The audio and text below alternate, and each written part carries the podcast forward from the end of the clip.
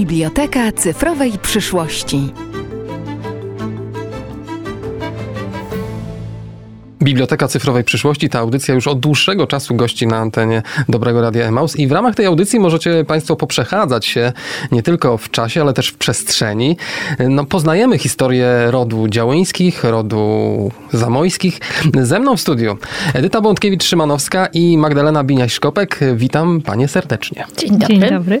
Będziemy dzisiaj nawiązywać trochę do naszej historii rodu Działyńskich, rodu Zamojskich, ale zaczniemy od Justyny Modesty z domu Dzieduszyckiej. Ona będzie bohaterką dzisiejszej audycji. E, Tak, właśnie tak. E, Przechadzając się po stronie Platforma Biblioteki Kurnickiej, mm, e, zajrzymy dzisiaj w dział muzealia, dokładnie w dział obrazy i tam przeglądając sobie twarze kolejnych kobiet, które związane były z zamkiem w Kurniku i właściwie tym preokresem Biblioteki Kurnickiej, trafimy na przeciekawe, y, y, reprezentujące doskonale swoją epokę wyobrażenia właśnie Justyny Modesty z Dzieduszyckiej, e, z Dzieduszyckich, a po mężu Działyńskiej, ponieważ żony Ksawerego Działyńskiego. Y, W związku z tym, że cykl o kobietach Biblioteki Kurnickiej, o kobietach Zamku Kurnickiego y, trwa już w najlepsze, za nami już opowieść o Teofilii z Działyńskich, Szorckiej, Potulickiej.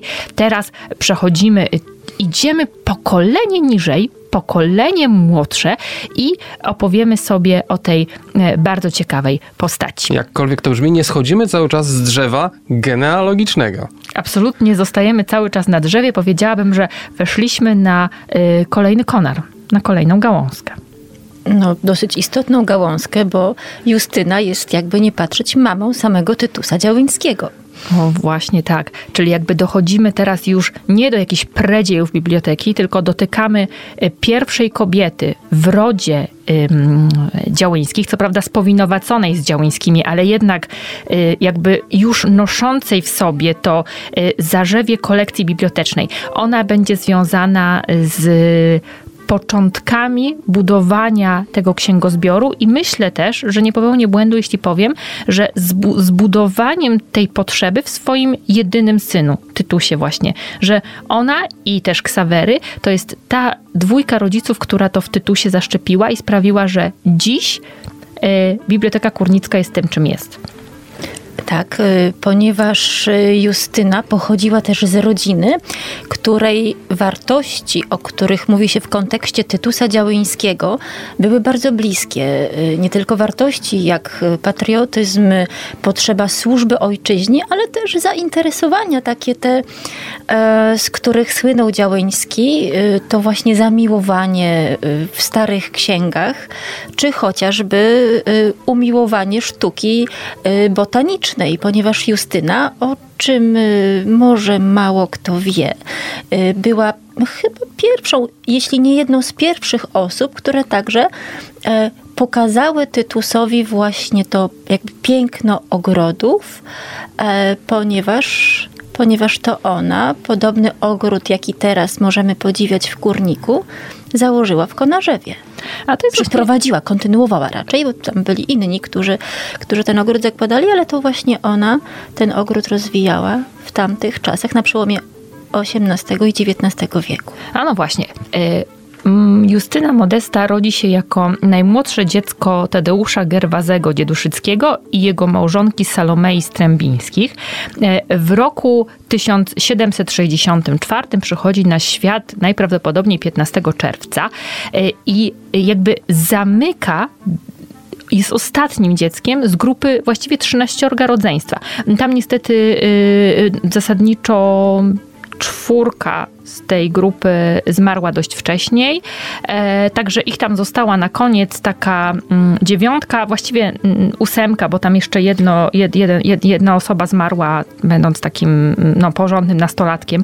W związku z czym i tak grupa liczna, e, w związku z czym e, wychowywana w takim gronie dziew, dzieci, szczególnie dziewcząt, bo ona chyba z tymi siostrami była jednak bardziej związana niż z braćmi, które były cały czas doskonale mm, przygotowywane do y, takiego funkcjonowania w świecie, to znaczy y, kształcone w różnych bardzo dziedzinach.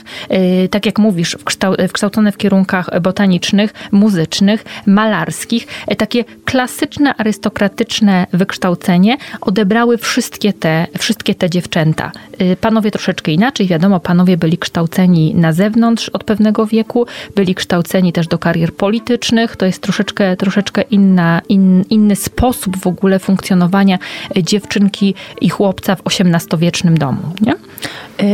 Zgadza się. A skoro mówimy o wykształceniu Justyny, warto tutaj wspomnieć um, o szkole, swoistej szkole, do której oddali ją rodzice. Ale, ale kiedy, nie? Kiedy? Jak, o, jak, ile ona ma już lat wtedy? To, to, jest bardzo tajemnicza sprawa, ponieważ y, w nielicznych biogramach y, Justyny, y, czy też herbarzach znajdujemy informację, że pobierała nauki u panien kanoniczek na Marywilu.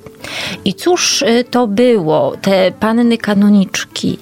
To było zgromadzenie, świeckie zgromadzenie założone e, w latach 40. XVIII wieku przez Antoninę e, Zamojską e, z przeznaczeniem dla dziewcząt no, stanu szlacheckiego, ale dla dziewcząt, które, mm, które nie miały widoków na bogaty ożenek oraz takich, które e, nie czuły powołania do klasztoru. E, wynikało to też Czyli właśnie taka kobieta, która przekroczyła 20-23 rok życia, powiedzmy w tamtym tak, czasie. Tak. E, dziewczyna, która z różnych powodów, albo z powodu braku urody, albo z powodu mm, nierozwiązanej kwestii posagowej, bo na przykład rodzina była niezbyt zamożna, ewentualnie jakieś były kłopoty z tym majątkiem. Justyna była w tej sytuacji, ponieważ e, majątek był częściowo zadłużony i właściwie... No i liczne rodzeństwo. Bardzo liczne rodzeństwo i mimo, że Dzieduszycki jest bogatym człowiekiem i ostatecznie tak? Ale już dobrze po czterdziestce y, Justyna zostanie posażną kobietą i otrzyma swój dział posagowy bardzo duży, to jednak będąc w wieku tych lat dwudziestu paru, no, no, nie rokowała właśnie Nie rokowała na, na majętną, tak, na majętną osobę. I co miało y, spowodować ta szkoła? Co miało, miało spowodować skierowanie jej do tej szkoły? Że... Y, ja bym właśnie jeszcze chciała wrócić do tej założycielki szkoły, ponieważ y, no, truizmem będzie powiedzenie, że sytuacja kobiet w tamtych czasach była dosyć trudna, prawda? Bo jak niebogaty ożenek to klasztor, ale zwróćmy uwagę na to, że twórczyni szkoły, ta Antonina e, e, Zamojska, e, miała właśnie taką świadomość, świadomość, głęboką świadomość, że tym dziewczynom, które nie czuły powołania do klasztoru, ani nie, nie, nie miały widoków na, na dobre za mąż pójście, yy, czy też takie, które powiedzmy miały być oddane przez rodziców jako, nie wiem, nastolatki za mąż, y, no nie dla byle kogo, ona po prostu postanowiła stworzyć jakby taką enklawę dla tych dziewcząt, mm, nie jakby rodzaj przeczekania, powiedzmy, trudnego okresu, ale po prostu miejsce, gdzie one mogły przede wszystkim zdobyć wykształcenie, ponieważ kwestia wykształcenia, Justyna była świetnie wykształcona, ojca było stać na, na nauczycieli, ale y, w wielu przypadkach na to wykształcenie dziewcząt rodziców po prostu nie było stać. Owszem, inwestowano w chłopców, w dziewczyny niekoniecznie, prawda? No bo to był po prostu balast, jakkolwiek by to nie brzmiało w dzisiejszych czasach posiadanie licznych córek dla e, niezbyt zamożnego rodzica było po prostu dużym obciążeniem finansowym. No tak, bo mówimy o czasach, kiedy ta dziewczyna nie bardzo mogła iść do pracy.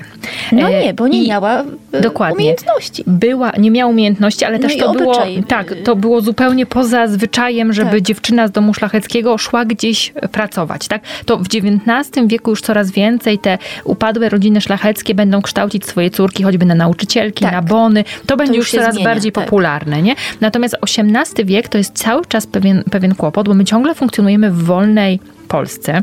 My mamy, ale mamy sytuację, że coraz więcej rodzin szlacheckich, no, upada materialnie. Jest w jakichś kryzysach, tak, dokładnie tak. tak. I w tym momencie taka dziewczyna mająca lat 24, 25, 26, no dzisiaj powiemy sobie, o Jezu, ciągle młoda kobieta, no przecież to, gdzie, tu, gdzie tu jest problem? Natomiast wtedy to już był taki, taki przełom, w którym się mówiło, no stara panna, no ta to już widoków na męża nie, nie ma. Nie? Jej rówieśniczki często w tym wieku już bywały wdowami, które w tym momencie zaczynały szaleć i szukać sobie samodzielnie własnych mężów, takich, dla których mogłyby wyjść z uczucia, a nie z przymusu. No a one a one najczęściej, i to jest świetne, widoczne w powieściach Jane Austen, tam zawsze jest jakaś taka stara panna, która jest y, na prawach trochę członka rodziny, trochę pomocnika, trochę służby, właściwie nie do końca wiadomo, co z taką niewiastą zrobić.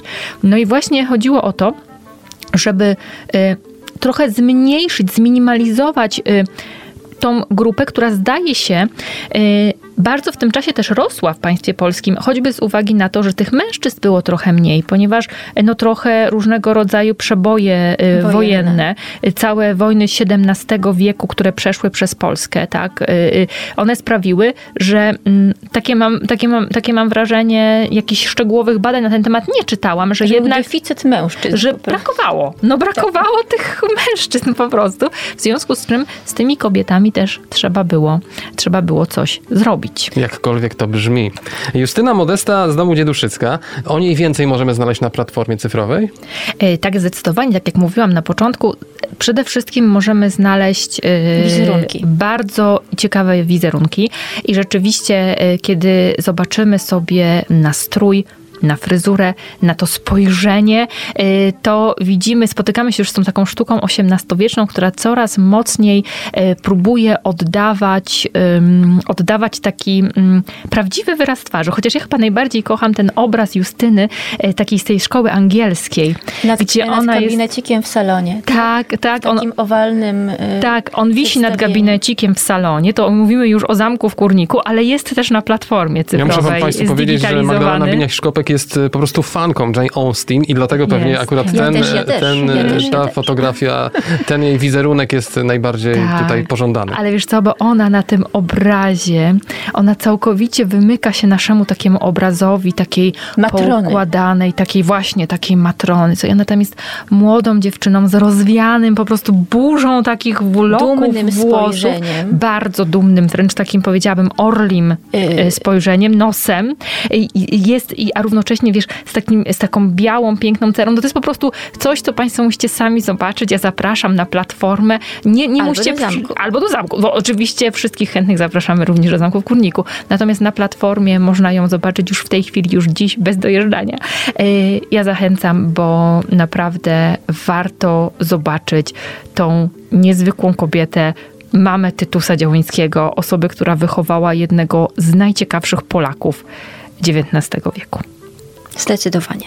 Edyta Bątkiewicz-Szymanowska, Magdalena Biniaś-Szkopek, Arkadiusz Szymański. Dziękujemy za kolejne spotkanie w ramach audycji Biblioteka Cyfrowej Przyszłości. Zachęcamy do tego, żeby Państwo zaglądali na platformę cyfrową Biblioteki Kurnickiej, bo tam naprawdę z bliska można prawie że dotknąć tej całej historii. Dziękuję za spotkanie. Dziękujemy. Audycja powstaje przy współpracy z Biblioteką Kurnicką Polskiej Akademii Nauk www.bkpan.poznan.pl